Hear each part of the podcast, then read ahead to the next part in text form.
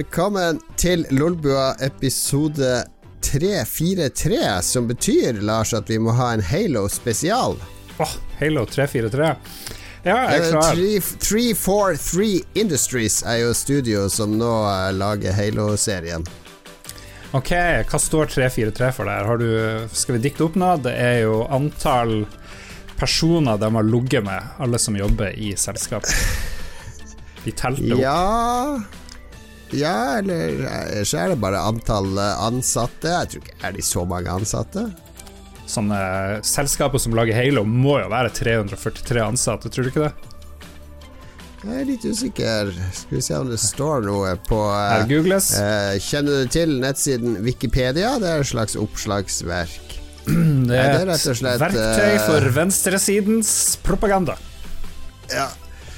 Det er rett og slett eh, oppkalt etter Halo-karakteren 343 Guilty Spark, Okay. som var en robot. Det var litt uoriginalt, da. Ja. Da er du litt sånn krampaktig Ja, ja, ja, vi, er, vi skal lage Halo. Vi er Halo-utviklere. Vi er Studioet vårt er til og med kalt opp etter en Halo-karakter. Eh, Guilty Spark høres ut som noe Hideo Kojima hadde funnet opp til en karakter. Guilty Spark! De har laga Halo-spill i ti år, stakkars folk. Ja vel.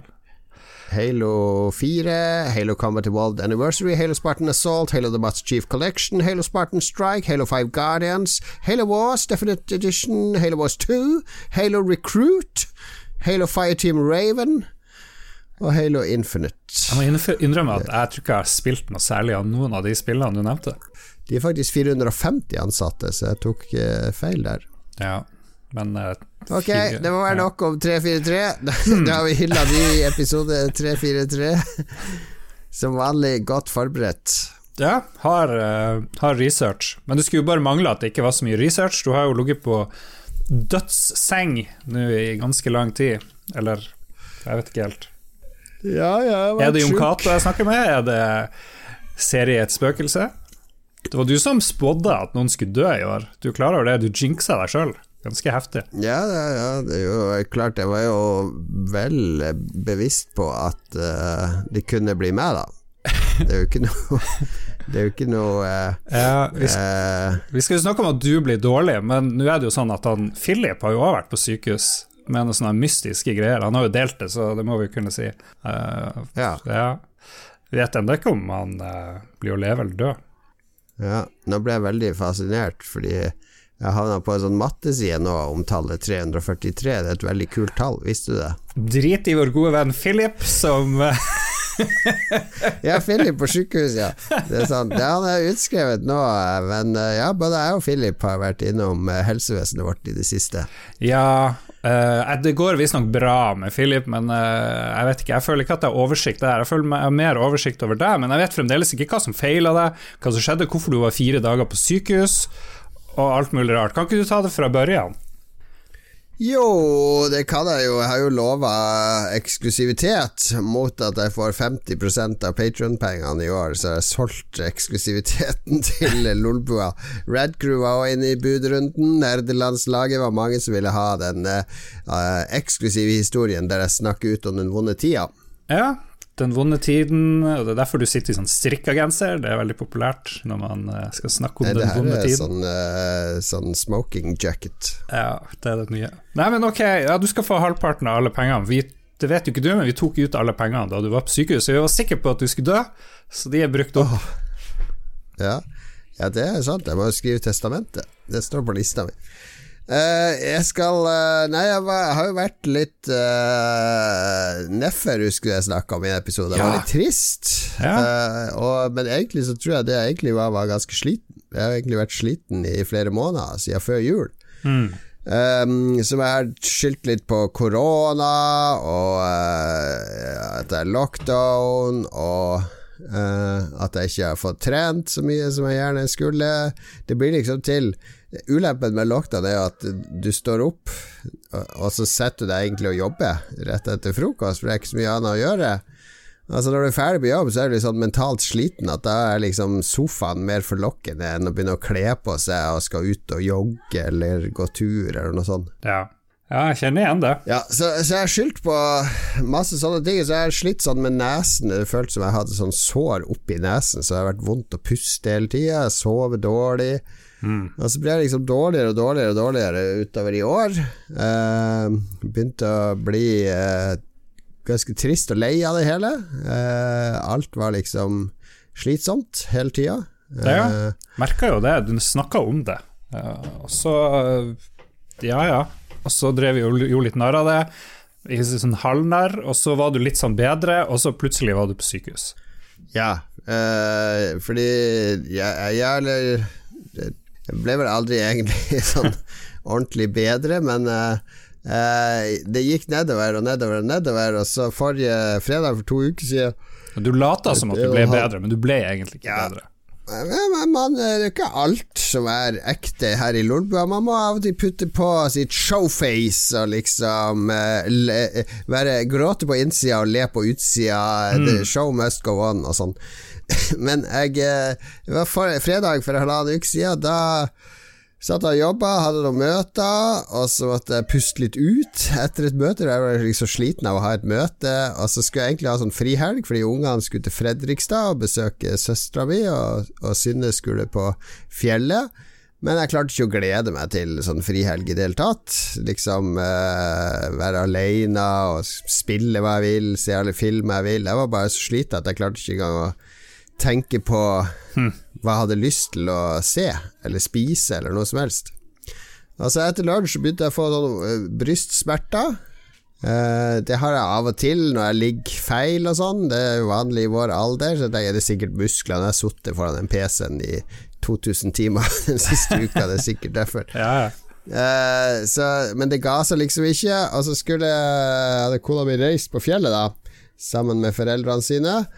Eh, så skulle jeg kjøre de ungene til Fredrikstad, var det planen, men først skulle jeg hente den ene ungen i en sånn barnebursdag. Så skulle jeg gå bort til bilen, og bare det å gå til bilen Det var sånn helt tom for pust når jeg kom til bilen. Det var liksom 40 meter å gå.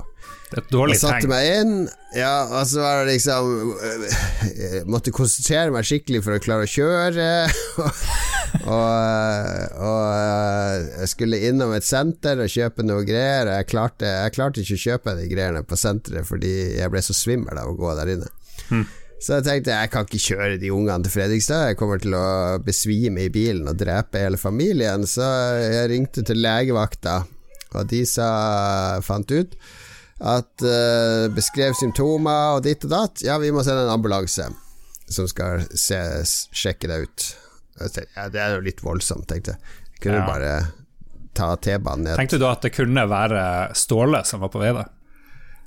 Ja, jeg tenkte litt det. Men jeg, det jeg trodde var at det var korona, liksom. At, fordi jeg var så tungpusta, og, og, for det står på de koronasymptomene at hvis du har brystsmerter og tungpusta, så skal du ringe legevakta med en gang. Det er liksom det mest alvorlige. Så jeg tenkte jeg begynte å tenke Har jeg fått korona? Hvorfor gikk jeg på det kjøpesenteret med de symptomene her? Og sånn. Jeg hadde mest sånn dårlig samvittighet. Og så kom eh, søstera Min svigersøster kom da opp, fordi eh, siden ambulansen skulle komme, og kanskje jeg måtte dra med den, så kunne jeg ikke la ungene være igjen alene. Så, så kom nå ambulansen, og jeg bare ble, måtte gå rett ut i den. Og så drev de og tok eh, putta på masse sånne klistrelapper, vet du, med ledninger til, akkurat som på film. Ja. Satt jeg i stolen der, så jeg meg rundt av masse bra sånn medical loot. Vi hadde spilt Escape from Tarco, så skulle jeg fylt lommen med alle de tingene der. Jeg kunne gått for en formue på flymarked. market. Mm. Eh, men tok sånn EKG, som er å måle hjerterytme, og måle blodtrykk. Eh, og det blodtrykket måtte liksom måle to og tre ganger, fordi det var Du trodde ikke på det? De ja, det var omtrent sånn, skjønte Fordi de sier jo ikke så mye, de sier bare ja, ok, ja, ja, ja. Og så begynte hun å snakke med hun der framme, og så bare ja, vi må kjøre deg til Ullevål, du har veldig høyt blodtrykk, det er noe rart på EKG-en din, eh, ditt og datt. Og så bare å ja, ja, eh, greit det. Eh, skal gi deg noe beroligende, jeg fått sånn her eh, Veldig, veldig frone, det heter vel Den der greia du får sånn permanent inn til en blodåre, så at de bare kan fylle på med ting. Veneflon, noe sånt? Veneflon heter det vel, ja. Nå vrir Ståle seg i stolen av latter. Hør da, vet ikke hva det heter engang! Sitter han og skratter i ambulansen. Fikk, fikk sånn veneflon, og så spurte hun eh, Sa eh, eh, Kan gi deg noe beroligende Skal jeg gjøre noe da For, for liksom Prøve å roe ned blodtrykk og sånn Eh, Litt morfin Jeg bare, oh, morfin, ja det er greit Har du tatt det før? Uh, nei, så jeg, jeg fikk bare kjempelite Ah. Du tenkte ikke at å ja, litt morfin, det er jo liksom ikke sånn de gir til hvem som helst. Det er jo litt sånn, ja ja. Nei, er VIP, vet du VIP-treatment Du sa 'jeg vet ikke hvem vi folk, er'. de får bare Vanlige folk de får bare en valium eller noe sånt, mens på meg var det rett på, rett på opium, morfin, hva vil du ha? Ok, ja vel. Ja, men så hun Marianne og hun Nikoline, som de to i ambulansen heter, de kjørte meg da til Ullevål. Altså, det var veldig egentlig deilig å sitte på den stolen med litt morfin inne og eh, kikke ut som bitte lite vindu ut på veien. Føltes som en film. Jeg satt i en film, liksom. Så kom jeg på Ullevål, opp i en seng, inn på sånn akuttmottak. Og der første de gjør der eh, eller Der ble det jo alle mulige tester på en gang. Blodprøve, koronatest, eh, ny EKG, ultralyd med sånn bitte liten boks, eh, di- mer morfin osv., osv. Så, videre. så må du ligge der helt til den eh, koronatesten er klarert, at jeg er negativ, før jeg kan trilles videre inn. Men det tar bare en time på sykehuset. Så jeg lå nå der. På det meste så var det sånn tre stykk som sto samtidig og stakk nåler og ting Wow. inni meg. Det er jo VIP de luxe. Ja, det var, men det var ordentlig effektivt. Og så kom det en lege inn da og sa at var, den EKG-en var noe rar. Altså den, eh, det så ut som jeg en gang har hatt infarkt. Altså ikke noen nylig nødvendigvis, men for noen måneder siden eller noe sånt. For det var sånn Hjertemønsteret så ut som en person som har hatt et infarkt. Okay. For du får liksom en sånn her, en eller annen skygge eh, eller et eller annet på EKG-en din som, som viser at hjertet har slitt før. Så de ville undersøke hjertet nærmere da, for jeg har jo sånn historie med hjerteproblemer i familien med han pappa og faren hans og sånn. Ja, ja. Så da Både din og min pappa og deres søsken er jo helt forferdelig ja, ja. dårlige gener.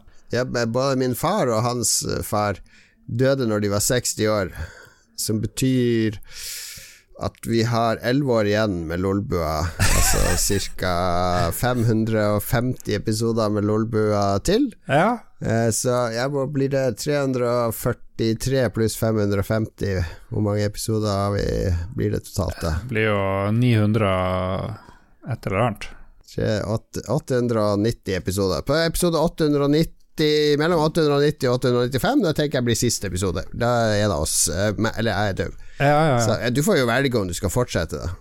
ja, det blir det spørsmål om i lytterspalten. De er, lytterne har blitt bekymret. Men det skal du vite, jeg har fått flere som sier jeg kan ikke De tok det veldig hardt at det ikke ble noe Lolbua i forrige episode, men jeg tenkte La oss sjøl reflektere litt over eh, liv uten denne hobbyen, og la lytterne reflektere litt over det. Det er bare sunt.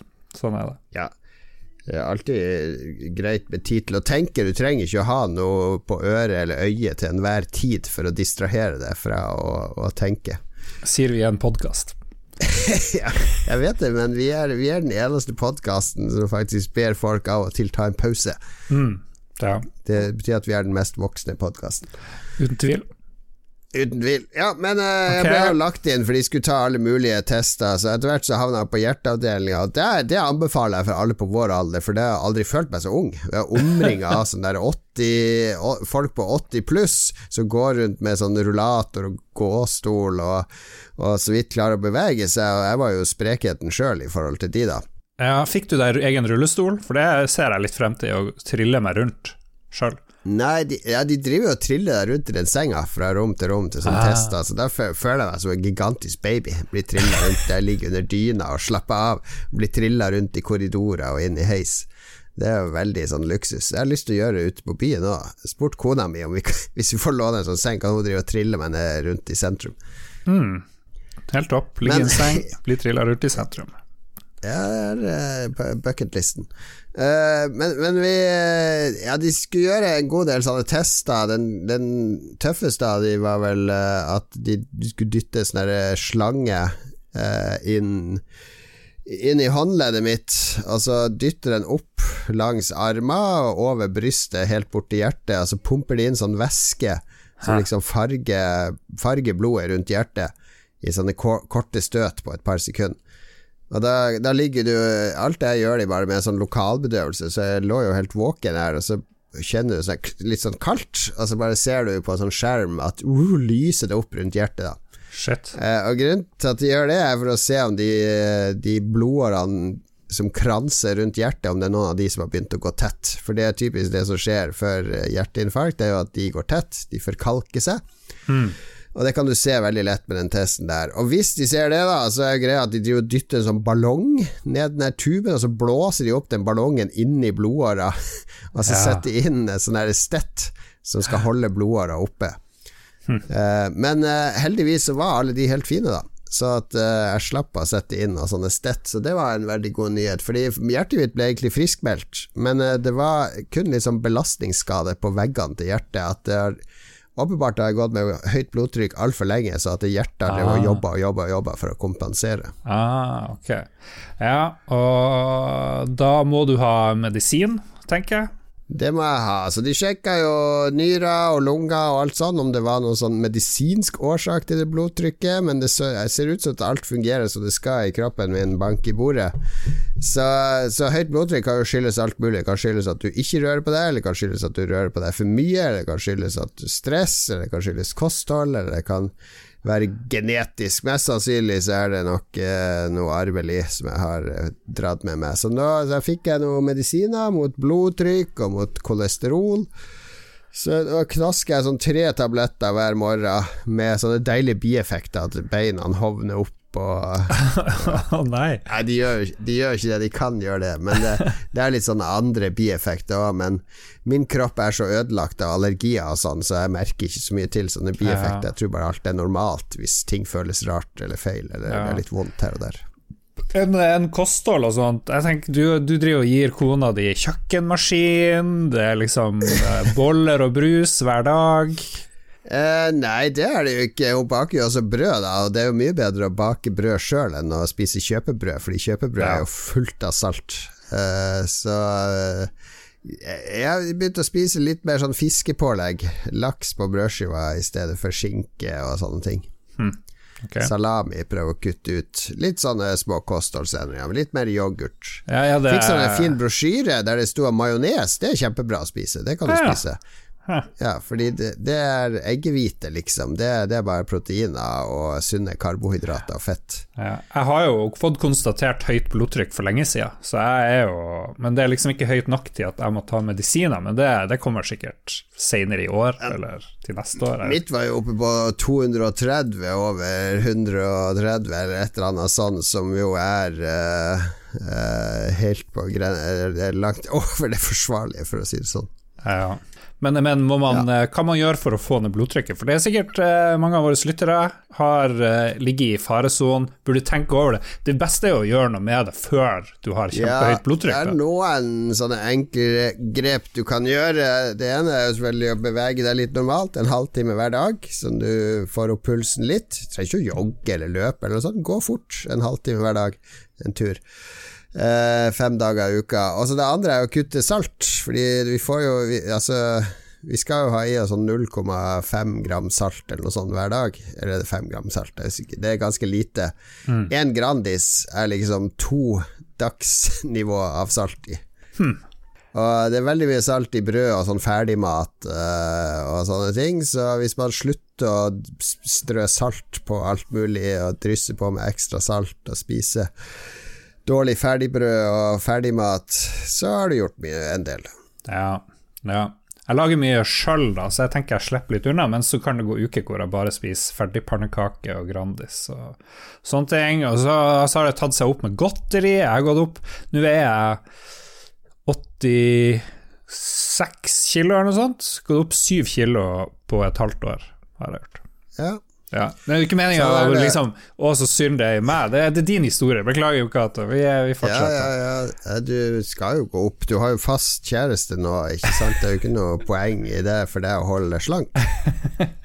ja, men ok, men er vi enda på sykehuset? Masse tester? Er du ferdig med alt ja, sykehusgreier? Det er ikke så mye å fortelle fra sykehuset, men det som er Eller eh, det føles Det føltes litt som eh, Det føltes veldig som den filmen 'Gjøkeredet'. Hvor det var sånne gamle, gule korridorer, og, uh, og så er du egentlig på en måte innelåst, fordi pga. korona får du ikke lov å ha besøk. Ja. Uh, du får ikke lov å bevege deg fritt rundt omkring, så man følte meg liksom fanga i den der L-korridoren. Der jeg kunne gå til dagligstua eller til kjøkkenet eller være på rommet. Ja, Men du fikk være på rom med en annen kar? En, hva han var 85? Ja, jeg var på rom med, med, en fyr på 80 som hadde atskillig mer plager enn meg, så det var hyggelig fyr, det. Faktisk kom han fra eh, samme sted som hytta vi drar til hvert år. Ah, ja. Wow. Født og oppvokst der oppe. Da kunne dere snakke mye. Var, det, var han morsom? Var han plagsom? Har dere blitt Facebook-venner? Nei da, han var veldig sånn høflig, ordentlig eh, fyr. Det var han. Så vi ble, vi ble gode venner. Ja, Kommer jeg til å tenke på han hver gang jeg kjører gjennom Bruflat. Ja, ja, ja. Hm. Bonding i sykehuset. Blir man litt sånn her emosjonell? Jeg husker da han, uh, David Letterman drev og hadde masse sånn her quintuple bypass og sånn. Han, liksom, han ble en helt annen eh, et, Fikk nytt følelsesliv etter hjerteproblemer. Har du merka noe sånn? Nei. Nei, jeg er jo veldig rasjonell. Så da jeg lå på sjukehuset, tenkte jeg yes, hvis jeg dauer nå, så er jeg i hvert fall det er ikke noe bedre sted å dø, Fordi her får jeg all den hjelpa jeg kan få. Og hvis ikke de klarer å redde meg, så hadde jeg i hvert fall ikke overlevd hvis jeg lå hjemme eller et annet sted. Ja. Så jeg er, egentlig en, en, en fatalist, egentlig. Mm. Ikke sånn at jeg driter i alt. Jeg prøver jo å gjøre det beste ut av det, men det får gå som det går. Ja, ble du, da du skulle ha det der, eh, den der slangen inn i hjertet Det var liksom det var, eh, det var, et ganske safe inngrep, men det er jo alltid en viss risiko for at noe går galt. Ja, det var 0,6% sjanse for hjerteinfarkt eller hjerneslag. Det er jo en ganske stor sjanse, da. Det er jo sånn. Ja, jeg tenker Først må du trille 0-0 på 100-terningen, og så må du trille 1, 2, 3, 4, 5 eller 6 på kast nummer 2. Da ja. skjer det. Så det er ikke umulig, det er det ikke, men det skal litt til det skal litt til, men det kan skje. Men ble du skikkelig redd før det? For jeg husker da jeg skulle ta mandlene mine, av alle ting. Ja. Så jeg fikk høre litt sånn skrekkhistorier om at ja, ja, du blir jo kastet opp blod og liksom Jeg var litt sånn Jeg var ikke helt i, i Hvem, hvem, hvem, hvem er det som forteller deg Er det Kian som driver med den legekompisen vår, som driver og, og skremmer deg sånn? Jeg husker ikke helt, men han hadde jo rett. Jeg våkna jo opp etterpå og spydde blod og hadde det ganske kjipt. Det var jo ikke så ille da, men det var ganske kjipt. Men jeg fikk skikkelig noia da og måtte ha Jeg ba om noe sånn beroligende, for jeg klarte ikke å sove og ble litt sånn redd. Det er bare fordi og... du vil ha drugs. Du, du ja. har mulighet til gratis drugs, så, så ber du om det. Ja, Var du drugga hele tida? Du snakker jo, du er jævlig tøff i kjeften, men du, du lå jo på morfin, gjorde du ikke det? Nei da, det var bare første kveld. Så var det bare uh, sånn blodtrykksneddempende. Men jeg fikk litt sånn uh, morfin eller et eller annet når jeg skulle ha den der slangen. Ja, der ser du. Det, det Ja, ja. Sikkert for ja, å roe deg litt ned. Jeg er ikke, jeg ikke stressa for sånne ting i det hele tatt. Det er folk som gjør jobben sin, tenker jeg. Det her gjør de dag ut og dag inn. Det er jo ikke noe Jeg er jo bare én av en million folk de kommer til å stikke og, og ta på og dytte i, i livet deres. Ja, men de er jo ikke annerledes enn oss, egentlig. Eller de er jo kanskje litt annerledes enn oss, men de er jo mennesker. De kan ha en dårlig dag, de kan ha en god dag. Plutselig så slår de over en cola over hjertet ditt, eller et eller annet. ikke sant? Ja, jeg er i hvert fall glad for at det ikke er journalister som skal operere. da hadde jeg vært litt nervøs, hvis ja, det, var du og jeg ville ikke ha en journalist i å stukke noe inn i hjertet mitt. Det tror jeg hadde gått galt. Vi skal jo, Neste hyttetur da, så har jo vår venn doktoren og sykepleieren lova at de skal ta med seg opp masse sprøyter. Vi har en der med sprøyteskrekk, så han skal kureres for sprøyteskrekk. Og jeg tenker de kan eksperimentere litt på deg òg, siden du er litt nervøs. Jeg er ikke redd for sprøyter, men jeg er redd for, sånn generelt redd for alt som er usikkert, på et vis. og det er jo mye i livet. det er mye i livet. Mye i livet. Skal, vi, skal, du fortelle Det er ikke så mye mer å fortelle, egentlig, tror jeg, fra det sykehuset. Spiste Nei. masse Ikke masse, gikk ned et par kilo, faktisk. Du må lage all maten din sjøl. Eh, det er med sånn mikromåltider på det kjøkkenet, så man går dit og så slenger det inn i en mikro og spiser noe pasta bolognese eller grøt. Okay. Mm, ja, det kommer noen spørsmål til deg i lytterspalten, så vi kan ta ja, det tar, resten der. De, da. Ja, jeg skal ikke si så mye. Jeg skal til Kautokeino på fredag. Skal på fly. Det blir jo litt rart ut og fly og sånt. Det har vært 30 minus eh, der til tider, så det gruer jeg meg yeah. veldig til. Jeg føler jeg har ikke klær, jeg er ikke utstyrt til å fære dit over lengre tid. Ja. Så det blir jo litt Fly, artig. altså. Er ikke du fortsatt litt sånn miljøfokus? Jeg har ikke flydd siden august 2019. Ja, men jeg tror Jeg har drevet og tenkt på å kjøpe meg eller lease bil, men jeg tror kanskje Ja. er, det, er det mer miljøvennlig å fly en par ganger i året opp dit, enn, eller å kjøpe en hel bil? Hva, hva er liksom greia? Det, er, det må vi regne på. Jeg vet ikke, Du klarer vel ikke å kjøre dit, for alt er jo snødd og rast sammen Ja, ja, ja. oppe i Finnmark nå, hørte jeg. Stemmer det? Du må gjennom Finland og jeg vet ikke hva du må gjøre. Mye rart. Ja, ja. Nei, ja, du får fly opp. Du, det bare, for meg er helt glemt åssen det er å fly. Det er, jeg flyr bare i flight simulator, det holder for min del. Er lenge siden du har flydd? Ja, i august 2019. Jesus, du var det.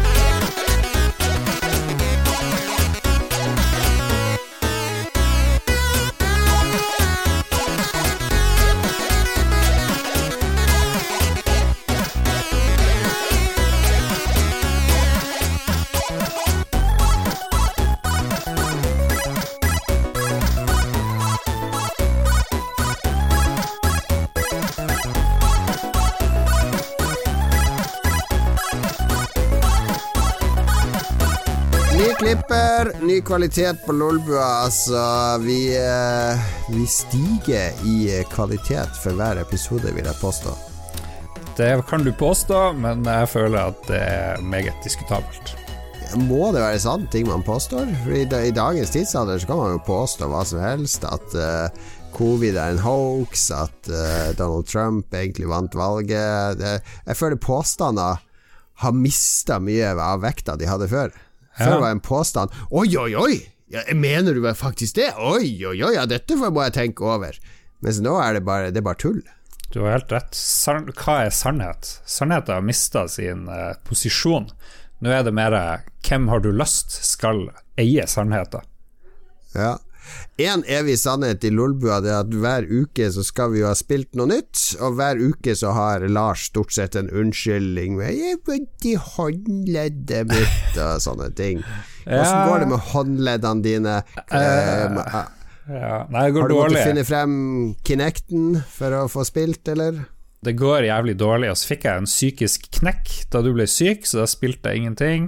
Og håndleddene er dårlige, det har begynt å kjennes nå i Hva er det legen sier? Du kan jo ikke holde på å jobbe med, med å sitte og skrive hvis det nå har strekt seg opp til skuldrene. Det ender jo med at du må amputere eh, hendene. Jeg skal til en fysioterapeut i morgen, så vi får se hva vedkommende sier. Men det ser stygt ut, men jeg kan jo ikke, jeg kan ikke sykemelde meg. Jeg kan, eh, ja, vi får se. Kanskje jeg kan begynne å skrive med føttene. Det tror jeg er en ting. Du har krav på sykemelding uansett hva det står i den kontrakten din. Nei, det står ikke at jeg ikke kan sykemelde meg, men det, det skal mye til. Det skal mye til. Ja. Anywho, jeg har ikke spilt noe siden sist i det hele tatt. Jeg har sett PewDiePie spille Stardew Valley, har jeg gjort. Eller jo, jeg har spilt litt uh, det vi skal snakke om i spillklubben, men det skulle vi jo ikke ha denne uka, plutselig. Så det er jo Nei, vi tar det neste uke, siden eh, vi hadde en sånn pause. Og Ja. vi må få tid til å få inn eh, lytterbidragene der. ja, jo, Ok, så jeg har faktisk spilt noe, men ikke noe jeg kan snakke om, for det må vi gjøre neste uke. Nei. Jeg har sett PewDiePie spille Stardew Valley. Jeg har begynt å selge PewDiePie. Jeg vet ikke helt hvorfor. Jeg- Han driver og sier sånn her Oh, come on, bitch. Han må bare si bitch hele tida. Uh, fuck you, bitch. Og sånn. Er det lov? Jeg vet ikke. Jeg synes det er jo, du kan jo si det, men jeg syns det er litt sånn barnslig. Kan ikke, kan Jeg han kan si litt sånn edge-large. Han var jo veldig sånn jødehumor og sånt en stund. Han har sikkert Han hørte for mye Lolbua. Alt sånt der har jo vi slutta med for lengst. Men uh, han er Jeg vet ikke, han er litt edgy. Han er det. Ja, jeg, jeg skjønner ikke helt appellen hans lenger. Mine barn og unge De ser ikke på PewDiePie. Ja, nei, for jeg så veldig mye på Jablinski Games, han Jack Black i Tenacious D sin kanal. Og Ja, da var plutselig slutta? Nei. Har han slutta å lage video? Nei, nei, jeg vet ikke. Men jeg, jeg bare kom over den kanalen og så så jeg masse random. Jeg vet ikke, Men da lagde han ting med PewDiePie. Litt sånn mashup. Og det var for så vidt litt artig. Han, eh, PewDiePie for og drepte uh, Jack Black hele tida. Var, Og Jack Black ble tydelig sur, og til slutt ville han bare slutte, så det ut som. Så, PewDiePie Skal du begynne å se på Ninja òg nå, da? nei, så langt har ikke jeg kommet. Han spiller jo Fortnite, og det driter jeg i. Nei, han fikk Han rage-quitta jo Fortnite, har jeg skjønt. Ah, ok, ja. Ja, men er det noe Er det gøy å Hva er det du ser på når du ser på sånne greier? Jeg ser jo Jeg ser på noen sånne folk som spiller Escape from Tarkov, men det er nesten bare fordi jeg vil lære ting sjøl. Plukke opp tips, bli inspirert, lære kartene, se åssen de håndterer situasjoner, ikke sant? ja. Mens jeg klarer ikke å se på sånn som PewDiePie og andre som spiller Stardew Valley, som du har sett på. Nei, Jeg, jeg jeg skjønner ikke hva jeg skal få ut av det, egentlig. Hva er det du får ut av det? Eh, jeg vet ikke. Det er sånn når jeg spiser middag eller et eller annet, så hvis jeg trenger en liten pause, så ser jeg på sånne folk. Men jeg har sett litt han spille Minecraft. Jeg vet ikke. Ja, ja. Jeg har ikke noe godt eh, Vet du hva jeg har sett mest på? Det er sånne folk som for første gang, påstår de, hører en musikk, eh, hører noe, en artist. Første gang de hører Ja. Total Eclipse of the Heart, dit og Det er populært. Ja, og så tenker jeg det, det må bare være tull. Det går jo ikke an å ikke Sånn ha hørt. reaction-greier. Kan ikke du lage en sånn reaction på noe greier? Det har jeg tenkt. Det har jeg tenkt. Ja. Det, her, det er veldig lavt nivå. Slipp å spille rolig for uh, albuer. så det, jeg skal gjøre det. Jeg, jeg gjorde det nesten i helga, så jeg lover jeg skal reagere. Men hva jeg skal reagere på? Ja, jeg skal finne noe, en låt til deg, eller noe sånt. eh, Du. Mm. Eller en musikkvideo du kan se, eller noe sånt. Ja, ja. Jeg tenkte jeg skulle høre Ja, vi elsker, og så kunne jeg reagere på det. Late som at jeg hørte det for første gang, men jeg vet ikke om det er så artig. Men jeg, det, jeg har lyst til å gjøre Ja, et eller eller kan jeg høre en sånn ambient Biosphere-låt på syv minutter? Reaction. Bare du Øynene glir sakte igjen, kroppen segner litt sammen, og til slutt kommer det en sånn fin snorkelyd. Ja. Ikke, jeg, jeg liker Biosphere, jeg liker den ambiente musikken der. Det er ikke så mye å respondere på. Det er ikke så mye reaction. Det er veldig lite å reagere på. Nei, jeg har noen tanker der, så hvis lytterne har noe de vil jeg skal reagere på, så er jeg veldig klar for det. Ja, ja, ja. Men kan jo, kanskje vi kan oppfordre lytterne til å sende deg noe gøy? Altså Kan du filme når du pakker opp, og så får du sånn spontan reaction? Jeg kan sende deg en tegning, eller et bilde, eller en, en øl, eller en brus, eller et eller annet som du kan smake på, en sjokolade, og så lover du å lage reaction-video av alt du får tilsendt. Ja, det gjør jeg glatt. Absolutt. Mm. Hvor skal de sende det her? Nei, jeg vet ikke. Du må sende det til Harstad. Du har jo ikke hemmelig adresse, har du det? Nei, nei, nei. nei Heggenveien 23 9406 Harstad, og det kommer det jo masse bordere her. Kommer det jo strømmende. Det altså, jeg en lytter kom jo på døra mi for å gi meg blomster når jeg kom hjem fra sykehuset. Vår kjære venn eh, Gøran eh, Nilsen. Ja. Han eh, oppsøkte meg og kom med blomster og en boks øl, så det er ikke så skummelt å få lyttere på døra, Lars. ja, men du du, likt Du liker jo ikke å få folk på døra, vet jeg. Nei, jeg, jeg er jo sånn at hvis de ringer på, så er det sånn der Åh, hva er det nå? det, er ikke, det er ikke sånn der Oi, spennende! Hvem kan dette være? Det er det ikke. Men her så gikk det jo sånn der Åh, hva er dette for noe mas? Noe som skal selge lodd? Og så lukka jeg opp, og så sto Gjøran der. Mm. Og jeg bare What? Gjøran? Det var kjempehyggelig, da. Ja. Eh, kom Ståle og besøkte deg på sykehuset, forresten? Nei, han snakka masse om det. 'Kommer i morgen, kommer i morgen'. Hørte ikke noe mer. Prøvde å ringe, han tok ikke telefonen. Og Vet du hva? Neida. Det er typisk Ståle. Han tilbød seg å komme, men eh, jeg var i gode hender, så eh, han, han må gjøre jobben sin. Hente flere folk i ambulansen. Ja, han hadde bare gjort vondt verre, egentlig. Ja. ja, ok, du har ikke spilt noe. Du har sett på uh, en, en nazist som spiller Stardew Valley. Ja, stemmer. Basically. Ok, da- da jeg har jeg spilt nå. Jeg har vært sykemeldt. Jeg fikk jo en Switch levert inn på sykehuset òg, så jeg fikk spilt litt uh, Super Mario 3D World og Bowsers Fury der på Sega. Jeg spilte ikke så veldig mye på Sega, så mest på YouTube, men jeg spilte litt når jeg kom hjem. Uh, Super Mario 3D World er jo en uh, relaunch av VU-spillet med samme navn, men så har de putta på noe som heter Bowsers Fury som, eh, som er et helt nytt 3D Mario-spill. Litt i samme gate som Super Mario 64, altså et sånn 3D-plattformspill. Eh, ikke så vilt som Super Mario Galaxy eller de, de spillene der, men mer sånn tradisjonelt. At du er på, på en sånn, i en så stor verden med masse leveler og sånn. Som var en fantastisk morsom overraskelse, fordi det er, det er på en måte Det er første gang Nintendo har gitt ut noe som er litt sånn, hva skal jeg si, halvferdig. Altså, det er ikke sånn Det har ikke den derre Ja, på en bra måte. Det har ikke den der superpolishen som Nintendo alltid har. de gjør spill ferdig, og så tar de et år til med å bare polere det så glatt at det, alt er liksom perfekt. Ja, Og du eh, syns det er bra at de ikke gjør alt perfekt? Ja, for det er en side av Nintendo jeg ikke har sett før. Så det er et spill som eh, det, er det, er nesten som at de har tatt masse ressurser som har vært til overs fra andre Mario-spill, og, og, ressurser som har vært brukt i andre Mario-spill. Karakterer og figurer og grafikk og sånn. Og så har de gitt det til noen sånne interns og sagt 'her, lag et Mario-spill, få se hva dere duger til'. Hæ? Og så har de liksom fått frie tøyler, så har de laga masse eksperimentelle nivåer og leveler, og så har de bare plukka ut fra alt de har laga, altså lappa det sammen til et spill. Hmm. Det er et eller annet eh, veldig sjarmerende med Bowsers Fury, syns jeg, for, nettopp fordi det ikke er den der superpolerte strømlinjeforma Mario-opplevelsen, men litt sånn uh, tungrodd her og der. Ok, jeg hørte, Var det Jostein Hakestad som sa at det her var liksom Det her var en pekepinn på hva vi kunne vente fra neste Mario-spill eller et eller annet? Tror du at det, ja, det, kommer mer sånn her? Det, det, det, er litt sånn dårlig optimalisert òg. Det er litt sånn eh, hakkete grafikk her og der og sånn, så det, er, det, er, tydelig at de ikke har ville bruke så mye mer ressurser på det, men at uh, jeg tror det har vært et sånn treningsspill for en masse nye designere og utviklere hos Nintendo.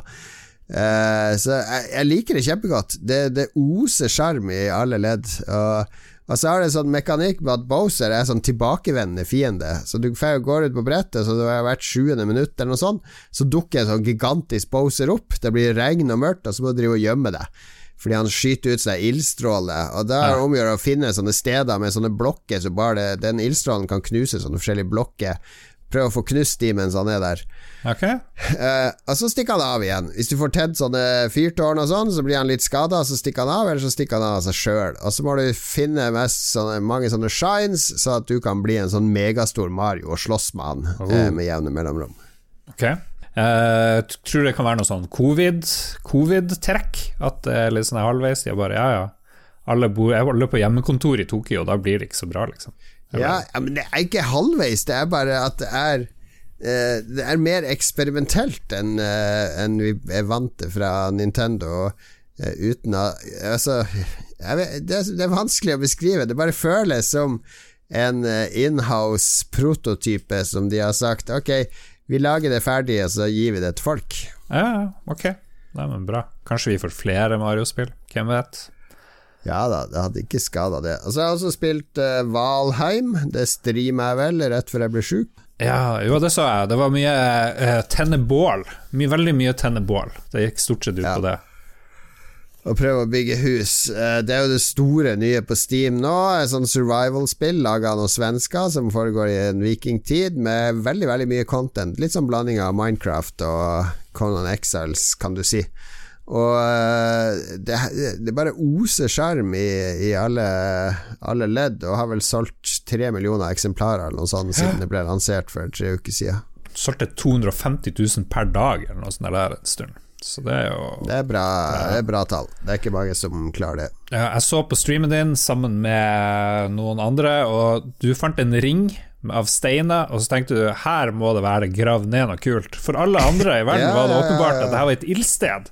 Men du fant ut at det her var et merke som viste at det her må, må det være noe skikkelig kult under jorda. Men det, du fikk jo gravd veldig langt ned, da, så det var jo litt artig å se. Jeg gravde meg langt ned, jeg kom meg opp igjen nå, da. ja. Nei, så det, det, gleder jeg meg litt å fortsette på. Det er utrolig mye å oppdage i det spillet. Jeg likte det godt. Ja. Blir det mindre spilling og mer uh, gå tur nå, siden vi, du har opplevd det du har opplevd? Eh, nei eh, egentlig ikke. I morgen skal jeg ned på kontoret, faktisk, så derfor har jeg bevega meg litt. Ja. Så nei, Det eneste siste jeg har spilt Så som jeg må nevne, er Flight Simulator 2020. Fordi uh, jeg har jo den veldig kule uh, yoken, altså det rattet til uh, Honeycomb.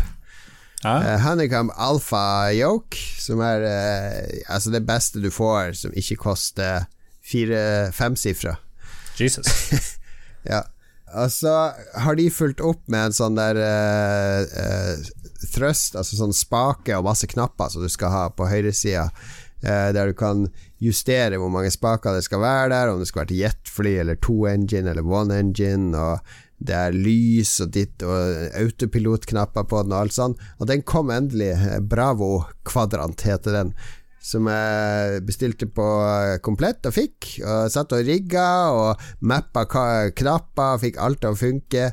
Åh, da var, det, da var det gøy å fly igjen med no, Det er noe med det der at jeg må ha det flyutstyret i orden for at Flight Simulator skal, skal Det bare blir sånn berusende. Det holder ikke med Husker du sånn overlay, sånn utklipp av papp du fikk legge ja, over keyboardet? Jeg elsker å legge det på tastaturet. Det var også litt sånn der uh, god innlevelse. Nei, men nå har jeg drevet og fløyet en del i Afrika. Utfor, vært og landa i Dakar og, og utforska litt på vestkysten av Afrika. Bare få, få reist litt, sett nye steder. Det føles som jeg opplever nye steder når jeg flyr i flight simulator. Det er det som er litt gøy. Får du lyst til å fly et ordentlig spill? Kanskje det hadde vært en, eh, en eh, Fly et ordentlig spill? Fly et ordentlig fly, jeg mener Ja. Nei, jeg har overhodet ikke lyst Nei, nei, jeg vil ikke fly et ordentlig fly. Det er jo livsfarlig. Hvorfor ikke? Livsfarlig. Du har jo med deg en fyr som kan, og så sier han 'nå stikker de', og så kan du gjøre hva du vil. Nei, det, det, jeg, det appellerer ikke i det hele tatt. Det er som å kjøre bil, det er jo bare, det er bare en jobb. ok, ja vel. Jeg vil, le, jeg vil, leke at jeg kjører bil, Fordi da er det ikke noe risiko. Jeg kjører bilspill, men jeg kjører vanlig bil, det er kjedelig. Sammen med fly. Kjøre gokart er veldig artig, da. Det er veldig morsomt. Ja, jeg foretrekker Mario Kart. Jesus Christ.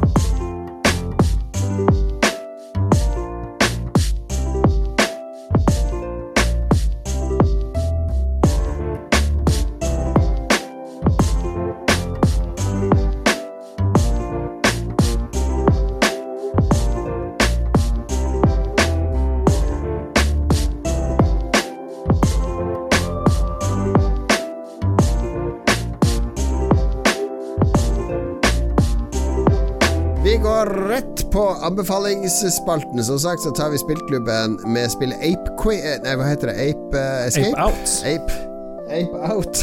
Ikke Ape Escape, men Ape Out tar vi neste uke. Så du har fortsatt tid til å være med i spillklubben. Skaff deg Ape Out på Switch eller uh, Steam, PC, og, og, bli med og bidra. Uh, det er et veldig artig jazzspill som vi skal snakke mer om neste gang. Ultravoldelig jazzspill. Ja.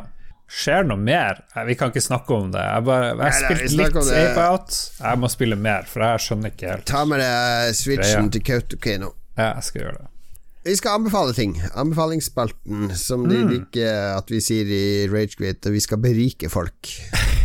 ja, det er liksom barnslig de skal bare skille seg fra Lolbua. Nei, vi skal ikke anbefale, vi skal berike. Det, de tar bort oppmerksomhet fra at de er en ren blåkopi av Lolbua, egentlig. Ja, men vi er jo en ren blåkopi av alle andre podkaster. Nei, nei, vi, det er det noen originale podkaster der ute? Hva slags sjanger har vi? Vi har sånn der uh, nyhetsslarving, true crime, og så har vi sånne kompiser som sitter og pjatter om et eller annet. Men alle har jo kopiert Lolbua på anbefalinger. Til og med Level Up har begynt med det. Ja, det etter vi hadde. Anyway, ja. anyway. Hva skal du anbefale? Jeg skal anbefale en bok jeg har lest, eller jeg har lest to bøker, og det er i en serie, og det elsker jo du, Jon Cato, eh, oh. av en fyr som heter Peter F. Hamilton, som er en av de liksom store space-operaforfatterne. Men det her er helt starten av hans karriere. Ja. ja. Eh, og da er han på jorda, nesten nutid, og, og er mer en detektivhistorie. Det er en, en fyr som har vært i krigen i Tyrkia. Um, vi er i kanskje år 2030-ish, eh, noe sånt. Og, og sosialistene tok over hele verden. Noe sånn herre eh, det ble global oppvarming, alt ble skikkelig drit, det ble, ble opprør. Da tok eh, de røde kontroll. Alle fikk kun ett hus. Uh, ingen, for det er så lite land. Kun ett hus? Alle, alle, må kunne bo et sted, ja, for det, du har liksom rikinger som har fem hus. ikke sant? Det går ikke når, ja, ja, når temperaturen stiger, når vannet stiger, ikke sant. Folk blir arbeidsledige pga. Av avansert teknologi og sånn. Så han går nå rundt på jorda og er eks-militær med sånn her eh, gland, en sånn kjertel oppi hodet som gjør at han kan føle andre folk sine, sine reaksjoner og sinnsstemninger. Så han er jo den ideelle detektiven. Han har også med seg ei dame som kan spå sånn par timer inn i fremtida. Eh, jo nærmere nåtid det er, jo mer kan hun spå om hva som skjer. Og så er det noen mordmysterier og litt sånne ting som han må styre på med. Det, du merker at han Peter F. Hamilton Jeg tror det var første boka hans. Uh, mm -hmm. De jeg har lest, til sammen er det vel tre bøker. De heter The Mandel Files. Han heter vel Greg Mandel. Sikkert ikke de beste bøkene til Peter F. Hamilton, men jeg kom liksom på han der. Jeg har lest mye rart hvor det er ute i deep space og milliarder år i fremtida, men her er det litt mer jordnært og, og relaterbart og, og, sånne ting. Ja, liksom, du, du, merker at han, han, prøver å bryte ut i verdensrommet. Det er snakk om å utforske andre planeter og sånn, men de er på jorda og er opptatt av å lage kjøleskap og flatskjerm-TV og sånt. Det er liksom det de driver på med nå, da. Ja. Det, hva syns du om folk som har sånn der bokstav i navnet sitt? Hvis jeg skulle gå rundt og kalle meg for Jon C. Lorentzen? Ja, jeg syns det var Hvis du sa det sjøl, jeg vet ikke. Det, kanskje litt kult. Hallo, jeg er Lars R. Olsen. Det sier jeg av og til. Ja, sier du det? Bruker du det? Lars, Lars R. Olsen. Nei, jeg sier ikke det. Jeg sier Lars Rikard. Jeg ser på Wikipedia at en F-en står ikke for noe. Hva, hva, hva syns du om det, da? Jeg vet ikke, jeg syns det er helt greit. Jeg trodde det var noe sånn Peter Francis Hamilton eller noe sånt, men nei da, det, det, står ikke hva den står for på Wikipedia, så det er sikkert bare en bokstav. Men jeg syns det mangler noe hvis folk bare har to navn. Alle jeg kjenner rundt meg har tre navn, liksom. Eller i hvert fall i min familie. Der har alle dobbeltnavn. Det er bare flomme over av dobbeltnavn overalt. Ja, men Det er sånn samegreier, at du skal ha to, to fornavn. Ja, det er de Tore Cato, Per Henrik Ja, det er jo koselig, da. Men jo mer fancy du er i England, så har du jo syv navn, ikke sant. Så... Ja, det er, det er, etternavn. Det er Baden-Powell og, og, sånne ting. Ja, ja. Anker Hansen. Ja, ja, ja. Det er jo forskjellen på østkanten og vestkanten i Oslo. På østkanten så heter de Tor-Viggo og, og, Per Kjetil, mens på vestkanten så heter de Tord Anker Hansen og, mm. og Trude Nilsen Wiggen. Altså, de må ha to navn. Etternavn. Ja, hva er det for noe? Kanskje vi skulle hatt hva skjer hvis du har både to fornavn og to etternavn? Funker det? Ja. Lars Rikard Olsen Holand, som moderen eh, heter til etternavn. Jeg vet ikke. Det ja, fordi ikke... barna mine har fått etternavnet til min kone. De heter jo eh, Lorentzen Mugås. Ja, se, der, der stiger du sosialt med en gang. Sånn er det. Men jeg, skal, jeg har også lest bok. Jeg leste mye Kindle på sykehuset. Fikk lest ut uh, en bok av Erik Larsson som jeg likte veldig godt. Erik Larsson er jo en amerikaner. Han høres ikke amerikansk ut, men han er fra USA. Mm. Uh, og skrev en bok som jeg anbefalt før i Lolbua, som jeg likte veldig veldig godt, nemlig The Devil in the White City Murder, Magic and Madness at the Fair That Changed America, som handler om uh, den store verdensutstillinga i Chicago i 1893.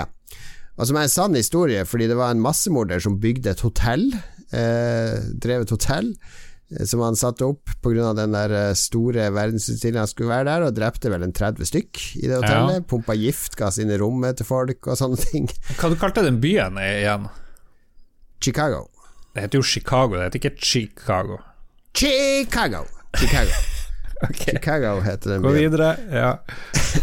Eh, så, og den boka var en av bøkene som inspirerte Bioshock eh, Infinite, eh, med arkitekturen. Altså, eh, veldig mye av det, den der verdensfæren mm. eh, verdensutstillinga, gjenspeiler seg i det visuelle uttrykket oppi den skybyen i den boka. Så det var hovedgrunnen til at jeg begynte å lese den. Men så ble jeg så fascinert, for han gjør så grundig research. Han er så veldig flink til å ta deg med tilbake til den tida Eh, og nå uh, kom han med en ny bok i fjor som heter The Splendid and the Wild, som handler om uh, uh, Churchill sitt første år som statsminister i England under krigen, altså i 1941, er det vel? Mm -hmm. 40 til 41. Han ble vel satt inn i mai. Eh, ble han satt inn som statsminister, og så begynte tyskerne med den store bombinga av London eh, på sensommeren og gjennom hele høsten der. Og den går i dybden. Altså Han har tatt for seg alle dagbøker og brev, og alle som er involvert og rundt eh, Churchill, har han liksom forska og funnet fram til hva de gjorde dag for dag for dag. Så du får innblikk Jesus. i hva Churchill gjør. Churchill har feber, kaster opp og promper mye. ja, men den er Altså For meg så er Churchill er en person som jeg syns er utrolig fascinerende. Så jeg egentlig beundrer han. Jeg vet at han var rasist og konservativ og en masse fæle ting. Det er jo mange som prøver å cancele Churchill i dag. Vil rive ned statue av han og sånn. Uh, men jeg tror ikke det er mange som kunne tatt den rollen han hadde når han ble satt inn som statsminister, og klare å, å holde motet oppe for alle engelskmenn. For det han gjorde Han drev, han drev ikke og gjemte seg i bomberom, han brukte å sette seg opp på taket når de bombeflyene kom. han satt ofte oppå en sånn pipe for å, holde, for å varme rumpa, og så på bomben og bombeflyene, og folk prøvde fortvilt å få han ned fra det taket, og i sikkerhet, i tilfelle det skulle komme Jesus. en streifbombe og treffe han, men, men han, han, var relativt fryktløs. Eh, og kunne gråte, og gråt gjerne offentlig hvis folk døde. Han var sånn ekstremt følelsesmenneske i alle retninger, og superstreng og krevde så mye av alle rundt seg, men samtidig hadde omtanke. Og, nei, det, det, er en veldig god, veldig god skildring av hvordan det var å leve i England under blitskrigen. Tror du Boris Johnson hadde gjort omtrent det samme? Jeg kan liksom se for meg at han med det gale håret sitt sitter oppå en pipe og drikker øl og går amok. Jeg har ingen tillit til Boris Johnson i det hele tatt. What? Bombers? Are, are, are they coming here? Are, are they actually bombing London? Oh, det er sånn, sånn Boris Johnson ville ja, Det finnes svære biografier av Churchill. Kan du tenke deg å hive deg på noen av dem? Jeg har, ja, vært, hjemme sånn hos, ja, jeg har vært hjemme hos uh, vår venn eh, Per-Willy Amundsen, tidligere uh, justisminister. Ja, ok, vi er ikke så god venn, men han vet om showet, da. Og uh, han har det er, han, Av veldig få bøker så har han Churchill-biografi. Så den tror jeg du kan nyte. Ja, men tror du han har lest den? Ja, ja, ja. Det, den har han lest. Ja, ja. Ganske sikker. Ja, det, det, irriterer meg litt, den der kulturdelen til Aftenposten. To, to ganger den siste måneden så De har sånn kulturbilag i Aftenposten hver lørdag, og det leser jeg gladelig, for det er masse bokanmeldelser og filmanmeldelser og TV-serier og sånn. Dessverre veldig lite spill, men sånn er det nå. Men så har de alltid sånn firesiders portrettintervju med en eller annen kulturpersonlighet. Og to ganger de siste fire ukene så har det vært en håndballspiller. Mm. Og nå sist var det vel en, eh, en skihopper på 24 år. Hæ. Altså, jeg tenker jeg, jeg vil lese dette bilaget for å høre fra kunstnere, artister spillskapere, musikere, eh, skuespillere. Jeg vil ha innblikk jeg vil ha innblikk i deres åndsliv, ikke sant? Og så har de sånne faste spørsmål. Eh, hva slags musikk hører du på nå? Og han der uh, skihopperen uh, Jeg husker ikke hva han svarte der. Det jeg husker jeg svarte hva, hva er den siste boka du leste? Det var sånn he-he, ja, det må være Eragon lydbok, som er en sånn barnefantasybok, liksom, som du leser når du er tolv år. Mm. Altså, det, hvor, skal, hvorfor skal jeg som kulturinteressert. Hva skal, hva, skal, hva skal, jeg få ut av det her? Jeg synes det her er Det at sportsfolk infiltrerer kultursiden, er en uting. Da vil jeg ha skuespillere og, og, og artister og musikere på, i sportssiden òg, da. Skulle bare ja. mangle. Nå skal jeg si det jeg blir å si ganske mye nå, tror jeg, inntil du blir skikkelig sint. Du må passe på blodtrykket, Jon Cato. Må ikke bli så sint. Ja, jeg skal passe på.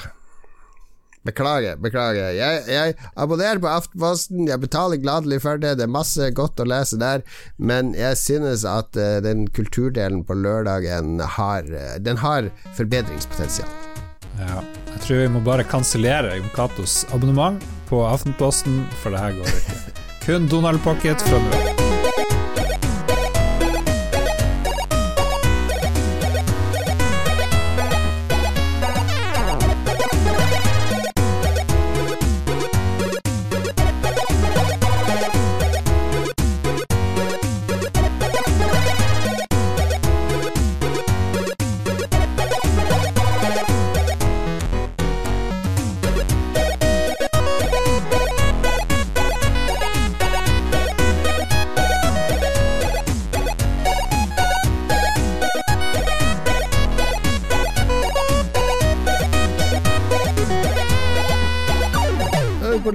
spalten allerede. Ved veis ende. Bare oss to denne gangen, Lars. Ja, koselig. Det, jeg har jo jeg har vært litt redd den siste tida.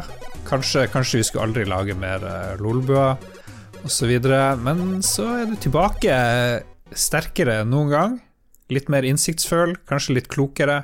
Jeg vet ikke. Juryen er ute der enda, vi får se. Men uh, veldig glad for at vi kan møte lytterne. Nå spørs det om, hvis du blir så sint av lytterne, at vi må kutte ut det òg.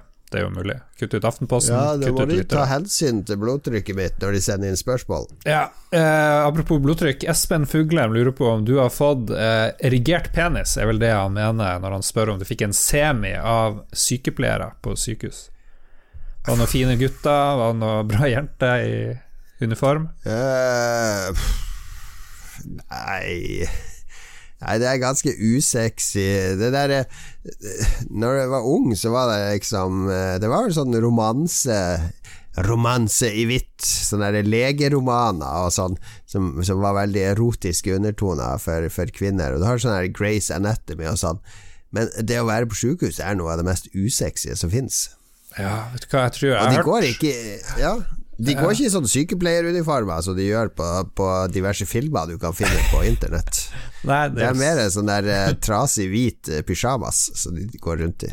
Ja, jeg tror egentlig det stammer fra at uh, damer syns at leger er skikkelig sexy. Jeg snakka med noen leger, de har, jeg tror de har noe sånn enormt drag på de her damene. De bare kaster seg over deg. 'Å, er du lege?' Bare 'take me now'. Og så er det Stemmer det her? Jeg tror, jeg tror det stemmer. Vi må, vi må høre litt med våre Er kilder. er ikke det fordi leger tjener så godt? Er det ikke bare pengene de er ute etter, eller er det Ja. kunnskapen? Å, gi meg, gi meg gonoré og syfilis. Det er jo todelt. De har mye penger, og så kan de kurere sånne her eh, kvinneplager. Hysteri og sånt. Men, eh, men mens, mens kvinner, er min teori, da, er, er fascinert av mannlige leger, eller kvinnelige leger, så er menn fascinert av sykepleiere. Så det går liksom Ja, ene veien går opp, status, andre Ja, veien går ned. Føler seg, man føler seg ikke så trua av en sykepleier er er for menn, ikke sant. Eh, Men hadde menn du likt å, være sammen med en dame som var lege? Ja Jeg vet ikke, jeg har aldri tenkt på det. Hvis hun holder på med noe i senga, og hun, hun ser litt rart på skuldra di, og oi, hva er den flekken Oi, se den flekken der, ja. Ja, men vi kan ikke generalisere for mye på leger. Jeg har sett noen leger, mange leger er veldig sunne, andre leger veldig lite sunne. Veldig Ja. sånn uh, overvektige og, litt sånn. Men det burde det være krav, sånn som i militæret, militære, at leger må kunne springe 3000-meteren på så og så fort, f.eks. Det er jo et veldig dårlig eksempel hvis du kommer til en lege som så vidt klarer å røyse seg fra Burde stolen. det være krav til frisør at de ikke skal være skalla, liksom? Eller er at en tannlege Ja. må ha hvite tenner? Ja, det er, det er jo ikke unaturlig. Eller hvis du jobber i sånn helsekostbutikk, så kan du ikke være feit? Ja. ja, der tror jeg det er litt sånn, men det er et spørs om du tror at helsegass fungerer eller ikke. Hvis du tror det ikke fungerer, men du kjøper det bare for placebo, så kan det godt være litt sånn feit. Det, Men en treningsinstruktør kan ikke være litt uh, lubben. nei, har du sett noen feite Beklager, det er veldig frekt av meg å si. Overvektige instruktører, har du sett det? Fins det? Uh, uh, jeg er bare på sånne spesielle filmer på internett. Ja. Nå føler jeg det ble mye fettshaming her, altså. Jeg trekker det tilbake.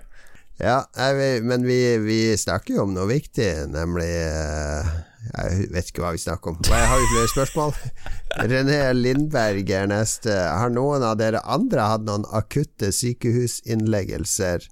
Eh, da René var seks, ble eh, hen, er, det, er det både gutte- og jentenavn René, er det ikke det? René er nok en kvinne, tror jeg. Ja, da ble hun eh, lam i halve ansiktet og hadde prikking i armen. Hadde sannsynligvis et drypp, men gikk fort over, og legene fant aldri noe etterpå. Fikk ikke noe varig men heller. Eh, ellers bare vært overtråkk og store kutt her og der. Store kutt? jo ikke bra. Ja, det det har vært jeg liker, liker å være i knivslagsmål, så av og til er det store kutt. René er en sånn her amazonekriger eh, et eller annet sted, tror jeg. Får en del kutt. Ja, nei, akutt sykehusinnleggelse, det er første gang jeg har kjørt sykebil, første gang jeg har vært på sykehus, faktisk. Nei, nei, det er det jo ikke. Jeg har jo vært tatt mandler og sånn, men uh, overnatta. Det er første gang jeg har overnatta på sykehus der jeg har vært pasient. Ja. Jeg har vært eh, hasteinnlagt to ganger. Ene gangen så vrei ene pungsteinen seg rundt. Sånn at det gjorde skikkelig vondt. Jeg vet ikke hva som skjedde. Jeg var sånn ti år eller noe sånt. Ni-ti år. Um, og så, eller kanskje litt eldre, for jeg husker jeg hadde masturbert ikke så lenge før det og lurte Torde ikke å si det til noen, men jeg tenkte kanskje den vrei seg en testikkelen. Du da du var ni år? Jeg husker ikke, jeg, jeg, tror ikke jeg var ni år, jeg var sikkert litt eldre. Jeg må, jeg må spørre om mamma. men så mamma, når jeg, begynte jeg å masturbere? Så fikk jeg skikkelig vondt i magen, og så måtte jeg på legevakta, og så fant de ut at ene, ene ballen i pungen var skikkelig sånn øm, og sånn, og da hadde det vridd seg rundt på noe vis. What? Ja, Så måtte jeg inn, og så måtte jeg skjære opp og liksom vikle løs den ene steinen. Og så ordna det seg. Men det var veldig flaut. Det var utrolig flaut. Siden da har du ikke masturbert? Nei, eh, kun eh, Jeg vet ikke. Jeg skulle si noe helt ferdig. Ja. Nei, det, det, har jeg ikke gjort. Ja, nei, men Spør mor di når du begynte å masturbere. Det lurer jeg, mange lyttere som lurer på det. Ja, jeg skal spørre, jeg skal høre. Fordi jeg vet hun fant noen sånne der eh, naughty magazines jeg hadde stjålet fra et søskenbarn. Ja, ja, ja, De var plutselig borte. Ring henne nå, ta henne på lufta og spør. Jeg orker ikke, jeg klarer ikke. Ok, ok, ok. Ja. Du, dessverre så drikker ikke Lars øl til innspilling. Hadde han hatt et par øl innabords nå, så hadde han glatt tatt den telefonen. Ja, jeg hadde nok det. Ja. Eh, men eh, ok, det var våre innleggelser. Eh, Martin Pettersen, hva syns dere om at Tix vant Grand Prix? Bra låt, eller? Eh, her er jo Ja, la oss høre fra Samen først. Du må ikke si det på en sånn nedlatende måte. Nei, men du har jo blitt Du er akkurat som han Walter i Big Lebowski. Du har plutselig blitt uh, jøde, ikke sant? Mm. Uh, kan ikke kjøre bil på søndag og sånne Show ting. ja, for, fordi din kjære er, uh, har en sterk samisk identitet. Det er kjempeflott. Men så føler du at ah, det, må, det må jeg adoptere. Det er typisk forelskelse. Det er litt søtt. Ja, vi vet jo at både jeg og du er enten samisk eller kvensk opprinnelse, eller vi har masse finske gener, har vi. Så... Ja, altså, jeg har inuitt inuittblod òg, da, ja, så jeg kan identifisere meg på kryss og tvers. Ja, det er litt kult. Nei, jeg heia jo til slutt på de her Keiino, jeg gjorde jo det, for det blir jo finale med Keiino, eh, med en fyr som heter Fred René Buljo, tror jeg, uh, som sang Eo! Ikke så mye han bidro med. Han hadde litt, ja, han hadde litt bidrag. Eh, sang mer i den første Grand Prix-sangen som de ja, kom til finalen med. Ja, her nå, det, ja. det, var ikke så kult som i den første. Nei, nei, men den første gangen de var i MGP-hovedfinalen, da fikk de jo flest publikumsstemmer av alle. Ja, det var en kjempebra låt, men jeg syns bare denne låten var mye dårligere enn den de hadde forrige. gang. Ja, jeg hørte, jeg hørte en hørte de back to back, og den forrige var bedre, men Var det ikke din uh, bror uh, i Sverige, for der er det jo sånne uh, forbannede Slegerfestivalen-snobber. Ja. Uh, han mente vel at den Keiino-låten, forrige Keiino-låten var helt forferdelig. Ja. At Norge kunne sende noe sånt til, til Grand Prix. Ja, du tror, jeg, du tror, jeg, er påvirka. Min kjæreste, den broderen, er jo blitt helt svensk, og han var jo skikkelig flau, og kjæresten var utrolig flau av det norske bidraget i forfjor. Typisk, typisk Olsen-brødrene, de bare blir hjernevaska av kvinnfolkene sine. Fly on the wings of love. ja, nei, men jeg heier jo i hvert fall på Keiino. Eh, kanskje litt fordi kjæresten er samisk, og jeg syns den var mye bedre enn der Tix, i hvert fall. Den er gøy. Ja, nei, jeg sa etter første første Grand Prix-sending der Tix uh, viste låten sin første gang, så vi kan bare avlyse det alle de andre, flere er Tix som kommer til å gå videre. Det sa jeg! Det sa jeg i London. Ja, ja, ja. Men, men, er det fordi han er så jævlig populær uh, rundt omkring, eller var det fordi du syns sangen var så bra? Jeg har, jeg har, jeg har sett litt uh, tenkt litt på det her etter, etter den siste finalen. Fordi hvis du ser på internett, så ser du alle over 50 Mm. Heia Keiino. Alle under 40 heia Tix. De mm. mellom 40 og 50 De er litt sånn splitta. Ja. Uh, men det er, det er, et åpenbart alderssegment her, og det er åpenbart at den Tix-låten Det er en fin låt, jeg husker den godt, jeg syns den er full av følelse og alt mulig.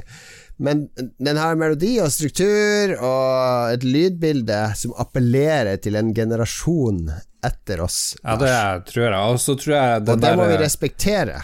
Men vi respekterer, vi trenger ikke respektere noe som helst. Det er jo Jo, greit men nok. det er ikke det, Men- Ting er ikke vårt lenger. Vi må jo gi det fra oss til de som vokser opp nå. Men skal jeg si deg hvorfor han er vant? Det er fordi alle kunne stemme uten å betale en krone på SMS. Alle kunne gå på NRK, gå inn på en eller annen side og gi stemme, og det kan jo selvfølgelig en syvåring med mobil gjøre, og det ødelegger jo alt. Da er det plutselig syvåringer Du må fortsatt være logga inn med din NRK-profil.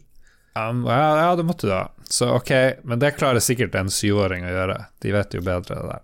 Det er min teori. Barna ødelegger Melodi Grand Prix Nei da, nei da. Ja, men det som jeg ikke liker med Keiino, det er, det, er sånn kynisk sammensatt. Vi har en fra Østlandet, en fra Sørlandet og en same. For å sikre oss stemmene på Sørlandet, på Østlandet og Nord-Norge. Det, det er taktikkeri på høyt nivå. Men trodde ikke du at de her eh, trommekorps Du var jo høyt uh, Heia jo veldig på de her Jo da, jeg likte de kjempegodt, men de hadde ikke sjans til å vinne. Det skjønte jeg. Du kan bare mobilisere så langt før folk eh, begynner å tenke ok, gøy, men det er tull. Ja, hadde de hatt bedre sangerinne, så tror jeg For det var en fin sang de hadde, for så vidt. Men, Ja da, eh, det, og den er jo kanskje den som folk husker best. Det.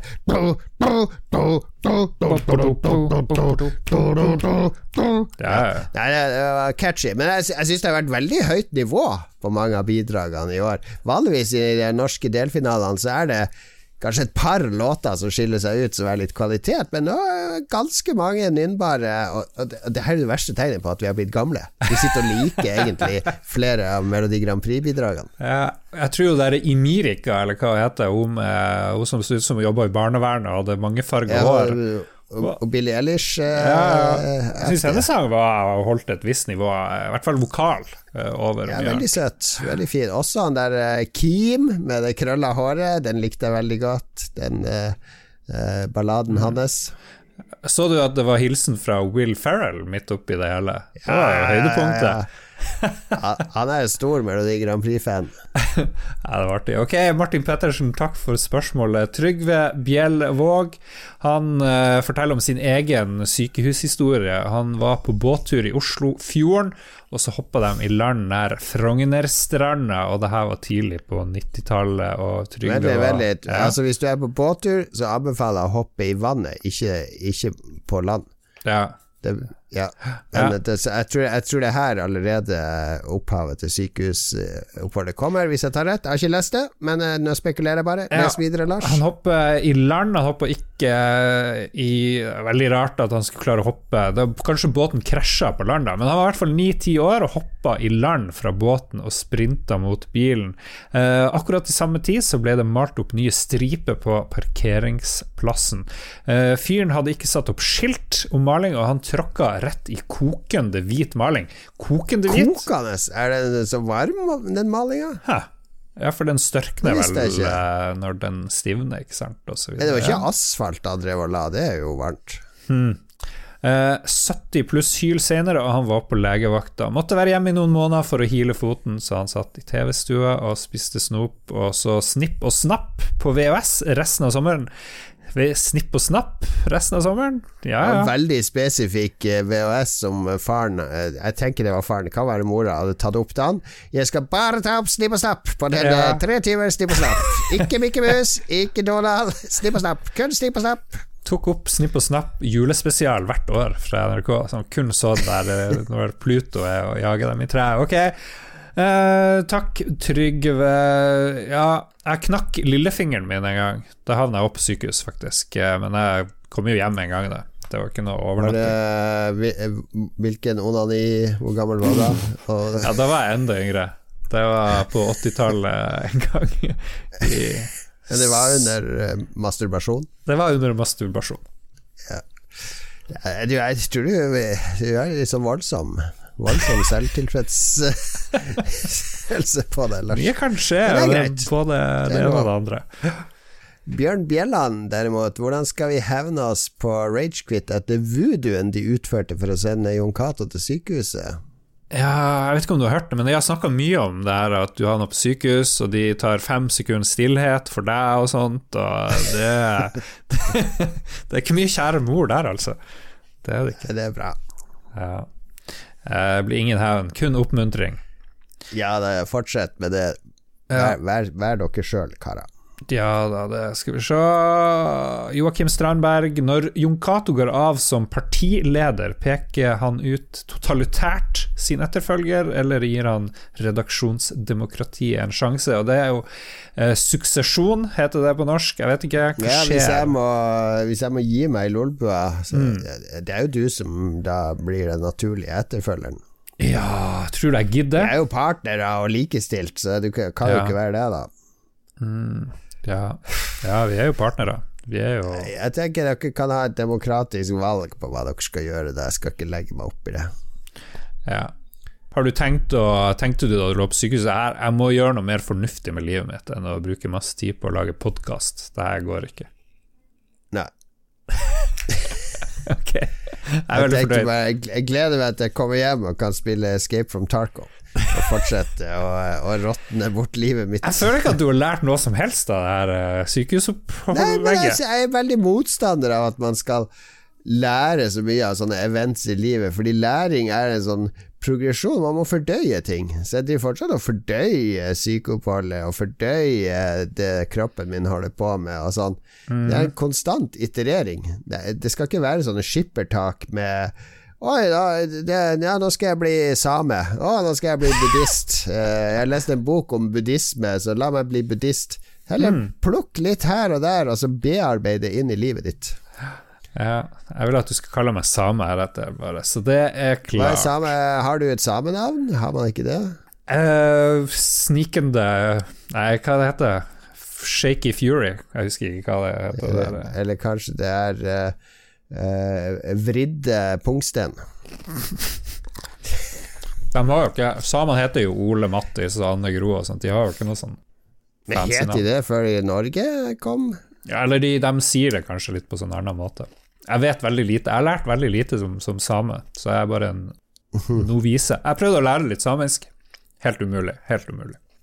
Hvis det ser er på samisk eh, barne-TV, da. Det kan du lære. litt. Jo, jo. Ja. De har for mye kasus og sånne ting. Det er slitsomt.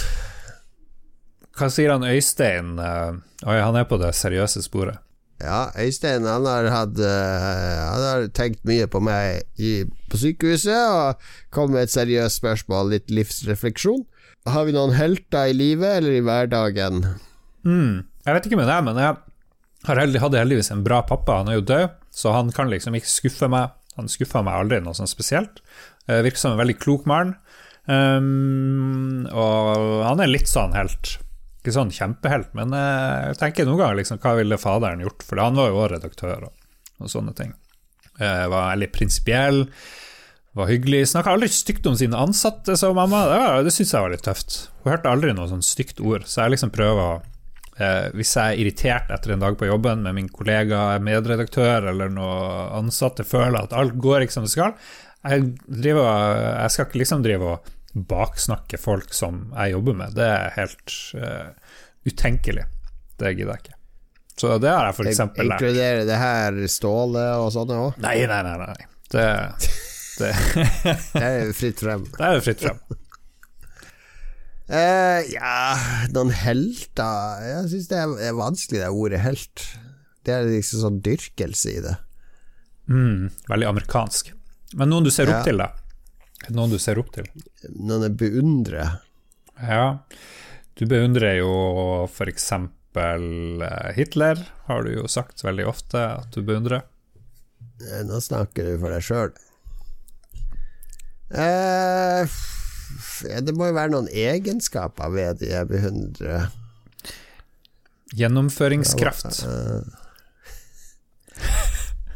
Eh, jeg beundrer mange av de unge i dag som tør å prøve å forandre ting i samfunnet. Jeg beundrer sånn som Greta Thunberg, som orker å stå i alt. Og, og har liksom oppnådd mer i en alder av 18 eller 19 eller hva hun er nå, enn jeg har i en alder av 49 snart. Uh, altså Mm. jeg hadde jo ikke Jeg, jeg kjempa jo ikke for noe som helst Når jeg var 18 år, bortsett fra å få lov til å spille TV-spill dagen lang og, og se mest mulig på video. Du gjorde og, som Beastie Boys. Du kjempa for din rett til å spille Ja, data. ja, ja. Jeg, jeg, jeg beundrer folk som, som kjemper for gode saker, og som tør å stå i det hele tida. Det gjør jeg. For det er litt Jeg er veldig Jeg er tilhenger av masse gode saker, men jeg, jeg engasjerer meg ikke kanskje så mye som jeg burde gjort. Du en eh, Du drev jo valgkamp med Miljøpartiet De Grønne, husker jeg. Det er jo litt. Ja, jeg hadde, hadde en liten periode der jeg prøvde å utgjøre en forskjell. Kan du som kommunetampamp være aktiv politisk? Ja, som kommuneansatt så har du faktisk rett og plikt til å ytre deg om, eh, om ting. Eh, også om ting på arbeidsplassen du er misfornøyd med, har du full eh, rett til å ytre deg offentlig om. Ah, ja. Ja, I det private så får du sparken og tilsnakk fra sjefen og må skrive kontrakter med munnkurv og sånne ting, men i det offentlige så er det strengt ulovlig å pålegge de ansatte meninger eller eh, eh, hindre de fra å, å si meninga si. Ja, men hvis du har fått en ordre, hvis sjefen din gir deg en ordre, så kan ikke du drive og gå rundt og si, gå på Dagsrevyen og si 'dette er bare tull'? Ja, jo, egentlig kan man det, fordi alt vi gjør eh, i det offentlige er det jo vi skatte, skattebetalere som betaler for, og de skal ha innsyn i ja, beslutningen som blir tatt, og hvordan vi forvalter de pengene. Så det skal jo ikke være noen hemmeligheter i det offentlige. Ja, jeg liker, jeg liker innstillinga. Men er det fordi du er tidligere journalist? Tror ikke alle i kommunen bare ja, ja, her skal alle se hva vi holder på med, dette er helt topp. Nei, men jeg har jo håndtert eh, sånne mailer fra journalister, det er jo min jobb, som ber om innsyn i ditt og datt, og de får alltid det. Det Ja. er ikke noe problem å gi det innsyn. Men det er bra. De vil se søkeliste på jobber, hvem har søkt på den jobben, og da må vi skrive ut en sånn offentlig søkeliste og sende til de, så videre. Ok, hvor vi var hen? Livet, helter i livet? Ja, Jeg vet ikke hvor vi jeg, vil nevne, jeg vil nevne han eh, Nelson Mandela, som jeg syns var uh, Overraska meg over at han var så leken og humoristisk, Ja. selv om han hadde sittet i fengsel og mista enorme deler av livet sitt, og så driver han og skøyer og er litt sånn Ser ut som han oppførte seg litt som et barn, på et vis, eller sånn Ja. lekenhet, og det syns jeg er litt kul. bra En av de Det er ikke mange sånne statsledere som har en sånn låt om seg sjøl som var så bra som den derre Fri Nelson Mandela! Nei, det har du helt rett i. Hvem andre er det som har det? Også, men det er jo ikke mitt problem at jeg er for seriøs. Jeg lurer litt på om jeg er litt for useriøs til tider. Og jeg har litt som eh, mål å være litt sint eller grinete og mindre omgjengelig.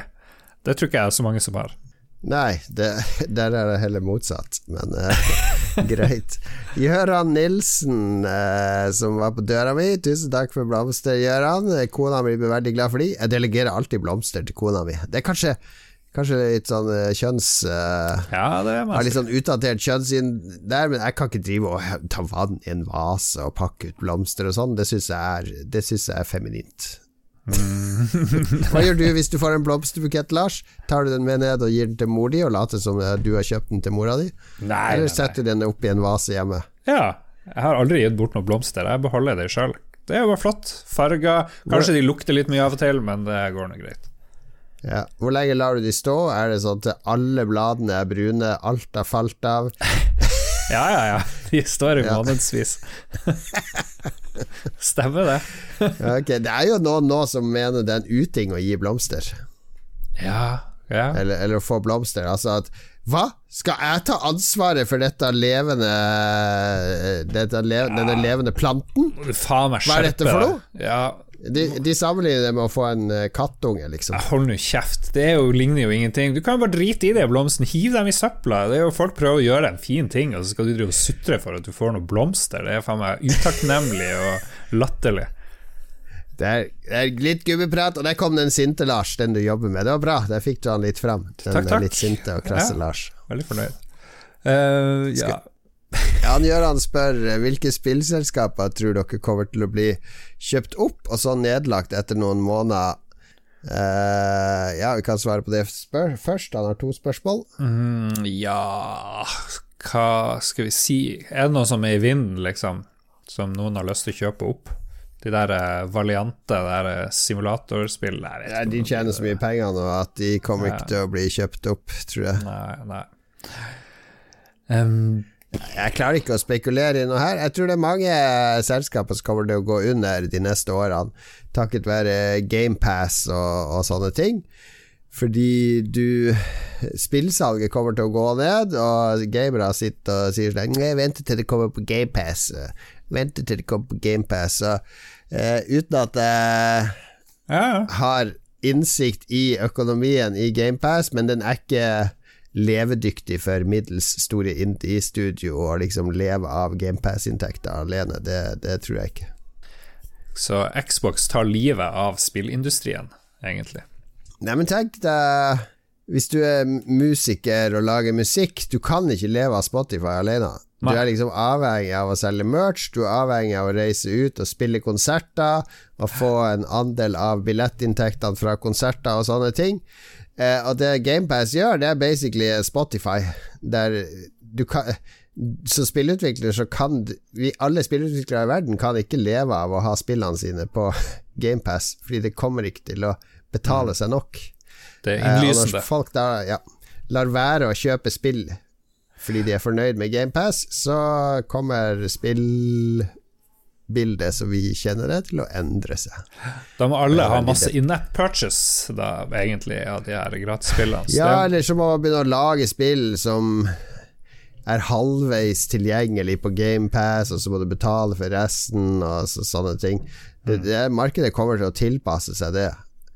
Men uh, ja, det, det er kostbart å lage spill, og et eller annet sted må man ha de inntektene fra. Men det er jo bare å nekte å være med i GamePass. Uh, Ja, altså jeg er jo sånn at jeg kjøper jo gjerne de vil, vi, veldig gode indiespillene som er på GamePass, de kjøper jeg gjerne i tillegg. Så jeg husker Audun Rodem i Gamer anbefalte alle å spille Tetris Effect, for det var på GamePass en måned. Og så sa jeg til han, vet du hva, jeg ville heller anbefalt folk å kjøpe det, så at uh, Tetsuya Mitsuguchi og gjengen hans faktisk får uh, konkrete inntekter og får økt salgstallene på spillet og får uh, Ja, det, det er en helt annen måte å støtte dem på enn å spille det på GamePass. Ja. Det blir spennende å se, og så lurer Gjøran på om uh, jeg skal ta det badet i havet som alle snakker om. Jeg tror ikke Gjøran hører på Lolbua egentlig, for det har vi snakka om nylig.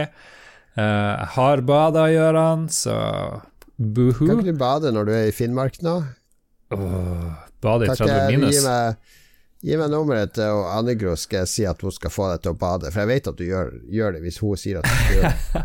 Du har lyst til å drepe meg. Jeg blir jo død. Jesus. Det er jo inn nå. I Oslo er det masse folk som har isbada i vinter. Det er så, blitt sånn ny trend. I Oslo, hvor kaldt er det Er Det er sånn minus åtte, liksom. Det er jo Ja, minst. Eh, og har jeg redd opp senga mi. eh, kan vise på webkamera. Her Det er jo bare jeg som ser det. Ja, det, Ja. det var Veldig dårlig radio. veldig dårlig radio. Markus Steen. Kommer Lolbua til å involveres i noen grad i Eldorado i Oslo? Hva det heter Eldorado Game Eldorado e-sport eller gamingsenter eller noe sånt. ja, Kommer det et Lolbua e-sportlag? Og det, det hadde vært noe. Ja, hva skulle Lolbua e-sportlag? Det må bli Snowrunner, så vi skal konkurrere ja. med Christian i førersetet. Sea of Thieves. Ja, Sea of Thieves, der er jo Lolbu er jo verdensledende der. Eh, eh, ja, hva skal jeg si der? Jeg, jeg var jo i møte med han eh, som starta det, Lolbua e-sport. Ikke, eh, ikke Lolbua e-sport. Jeg var i møte med han som var liksom står bak Eldorado e-sport.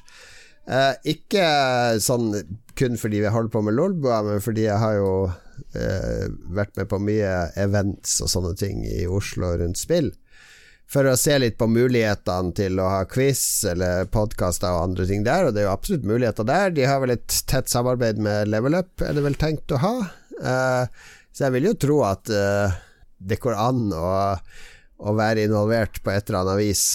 Samtidig så tenker jeg at Lolbua kanskje egner seg bedre på en pub, på et Ja. utested, enn i en sånn der eh, litt mer sånn kinosal som Eldorado e-sportsenter er. Men aldri si aldri. Har vi et riktig konsept? Jeg, har, jeg, har, jeg drømmer om et sånt konsept Det er Philip Jeg har sånn David Letterman-talkshow. Sitter bak Ja. et sånt skrivebord og Og og så kan du være han der tjukken i sofaen, så sidekicken. Ja, så kommer det en gjest i midten. Ja, ja, det var Conan som hadde han der eh, han Andy Richter. Ja, Han, Andy Richter. Du kan være han Andy Richter, altså Philip. Hm. Ok. Men hvis det er tyngde det går på, så er Ståle eller Dag Thomas bedre. I sånn. Skal jeg ha Biggest Loser mellom Ragequit og Lolbua? uh, ok, uh, uh, lenge siden vi har snakka om mat. Hvilke ingredienser er et must på en hjemmelaga pizza? Eh, hva er det beste? Jeg liker jo capricciosa, er jo en fantastisk pizza. Den har sopp på seg, kanskje sopp. Må ha, må jo ha ost. Pizza må ha ost. Går, det sier seg jo sjøl. Ja, er det pizza hvis du ikke har ost på, og, og enten en hvit saus eller en rød saus?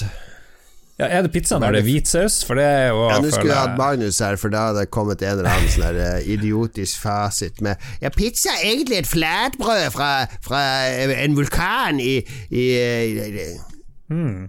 Det, det ble jo lagd ved utbrudd i Vesuvius i år et eller annet. Skal vi se, jeg søkte på pizza, kom på Pizzabakeren. Jeg går inn der og ser hva de har å si. Pizzabakeren er det vel ikke noe eh, fasit på hva en pizza skal være? Plukk og miks, tre for 65. Til, Hovedingrediensene er deig, en saus og ost. Ok, da har vi slått det fast. Deg, saus og ost, Det er ok. Eh, men ja, hva som må være på pizza Altså Min favoritt hjemmelaga pizza er ganske enkel. Det er uh, kjøttdeig og løk. Å ja. Det, Ok. det syns jeg er godt. Mm. De For det hadde smaker hjemmelaga. Jeg vil ikke at hjemmelaga pizza skal smake sånn som Peppes eller restaurantpizza og sånn. Jeg syns eh, kjøttdeig og løk og litt salt, selv om jeg skal kutte salt og sånne ting, da blir den god. ja, jeg, skal, jeg skal snøe meg på håret og jeg vet ikke, gjøre litt sånne ting man gjør. Eh, svømme til Glomma. Jeg vet ikke Hvis Peppes tar tilbake Canadian bacon, som var min favoritt uh, Når pappa kom ned til Oslo da vi bodde der uh, og studerte, og ikke studerte, da kom fader ned, for vi bestandig på Peppes eller på Mamma Rosa. Uh, jeg savner Mamma Rosa. Og så spiste vi Canadian bacon som hadde purre og, og skinke, og ikke så mye mer. tror Og jeg det var. bacon. Det var Det var bacon, vel bacon på den, siden Ja. Canadian bacon. Ja, ja, ja. Det var så godt. Fins ikke Er ikke det en film med han der eh, John Candy? Ja, jeg har ikke sett den. Canada invaderer USA, eller motsatt. Jeg husker ikke. Ja, Anyway. pff, det, du, det, du er ganske harry i matveien hvis du har sånn Peppes-pizza som en favoritt. Ja, den veldig, var veldig god, da. Var veldig, veldig Ja. god. Men du skal bade du, skal, vet, du skulle svømme naken på tvers av Glomma hvis, uh, hvis Peppes får tilbake Canadian bacon. Ja, det er noe sånt. Noe der. Svømme naken, det liker jeg. Peppes pizza, Canadian bacon petition. Ikke, og jeg skal ikke svømme over Glomma, jeg skal svømme langs Glomma hele veien. Her ser jeg at han Picasso 18.04.2013 posta på VG-debatt. Noen som husker denne fortreffelige pizzaen og hva den inneholdt? Canadian bacon. Den ble tatt ut av Peppers-menyen for en ti års tid siden, eller noe sånt. Utrolig, da det må være tidenes beste pizza!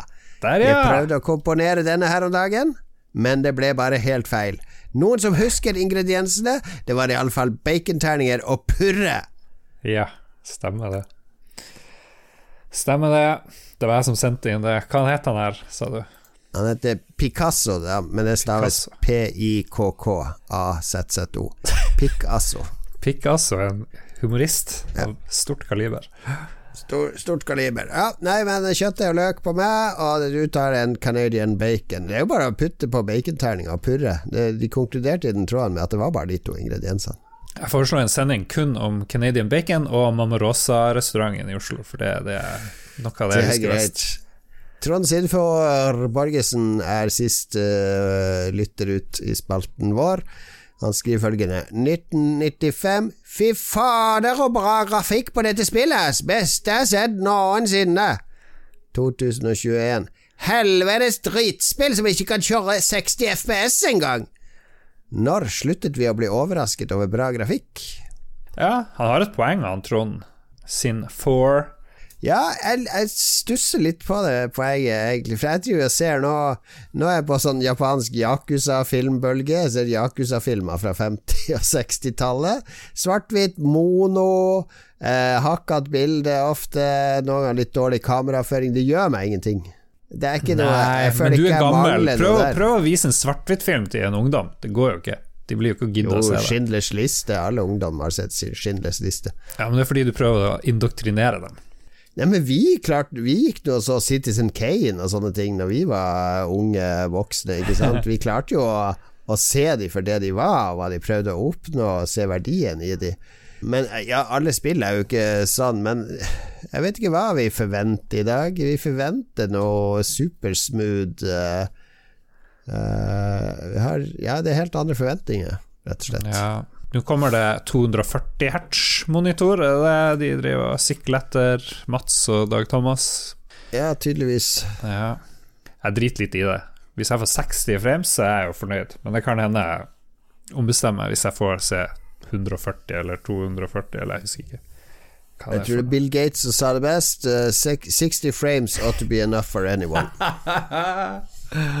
Ja da, du Ja, nei, vi har slutta å bli overraska over bra grafikk. Har sagt før, Super Mario 64, siste gang jeg tror jeg var sykt imponert over grafikken i et spill. Men, jeg- men jeg irriterer meg ikke over litt sånn svakheter heller. Altså Det plagde meg jo ikke at Cyberpunk var fullt av bugs, så at jeg kanskje Jeg tror jeg har en annen Jeg tror at når folk har kjøpt seg en ny PlayStation eller Xbox, så er enhver sånn der choppy framerate eller grafikkfeil eller noe sånt, da får de sånn der eh, høyt blodtrykk og bare Herregud, har jeg brukt, har jeg brukt, har jeg brukt 6000 på, på det her, og så, og, så, og så, det er hakka, det er hakka! Er det noe galt? Er det noe galt? Får du noe uh, temperatur? Står det kaldt? Er det, uh, jeg må passe på forum. Er det noe galt? Spillet hakka! Det hakka litt! Folk, folk, folk blir helt hysteriske fordi de er redd for at de, de har gjort noe galt, eller at mm. investeringa er feil. Ja, men er ikke det som ligger bak hele PC-industrien, at du skal drive og kuke i det lengste på å tyne ut den siste framen og hatchen? Jo, det er klart noen syns jo det er morsomt, for det er jo en slags hobby. Det er også, vi hadde en kunde bak smikk. Uh, Jazzbeinet brukte jeg å kalle han for. Uh, alle kundene på Akersvik hadde kallenavn, alle de faste, så de ikke visste om sjøl. Men Jazzbeinet, han, uh, han, han, var sånn dataekspert, og han elska film, men han elska ikke filmene, men han elska det filmtekniske. Mm. Så han hadde verdens dyreste prosjektor og laserdiskspiller og TV og sånne ting. Ja, ja. Altså når han så film, så satt han en halvmeter fra skjermen med, med sånne forskjellige apparater som han så gjennom, for å se på bildebalansen, pikselering, blødning i farger og sånn. For han så var de beste filmene de som var mastra best, altså de som var av teknisk best uh, kvalitet ja, I, i produksjon, ikke de som hadde best innhold. Ja, Nå beskrev du jo han... en stor del av spillpublikummet, egentlig, som sitter og ja, det, ser på frames. Det, der er det nok enda flere som har det sånn at de er mest opptatt av performance. Og driver overklokke og undervolte og, ja. Og hva de nå holder på med, alle gjengen. Jeg orker jo ikke det. Jeg, bare det flyter bra og smooth, så, så er jeg fornøyd. Ja. Om det ikke gjør det, så gjør det ikke så mye, det heller. Nei. Og der er jeg veldig fornøyd med ukens sending. Vi må takke, takke våre produsenter. Ja, vi skal takke veldig mye. Jeg må bare finne dem. TTMXMP, Kobrakar84, Duke Jarlsberg, Anne-Beth, Jarle Pedersen, Stian Skjerven og Thomas Holmedal.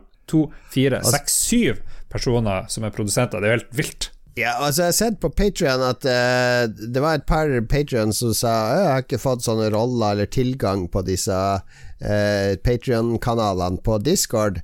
Og det uh, I alle tilfellene så var det litt sånn menneskelig feil, at du har kobla til feil Discord-konto eller noe sånt, så gå og sjekk det. Og så la jeg merke til i samme slengen at veldig mange av våre patrions er ikke på discorden vår. Altså De har ikke ja. kobla til noe Discord. Så er du patrion Eh, så får du mer eh, Du får mer Lars og Jon Cato og Philip og Mats og Dag Thomas og Ståle og Christian og bitte litt Katarina eh, hvis du går inn på discorden vår og henger med oss der. Mm, heng oss der. Dagens vits. Takk for meg. Vi, eh, vi avslutter der. Vi er tilbake om en uke. Der er spillklubben med Ape Out. Ja. Ja. Hei på. Vi snakkes om en uke. Ta vare på hverandre. Og husk, neste uke så blir det Spillprisen torsdag kveld live på Lolbua sin Twitch. Twitch. Oppfør dere i kommentarfeltet. Det blir bra. Ha det bra. Potetgull avslutning. Ha det! Ha det! Opp, opp. Høyre, høyre, høyre!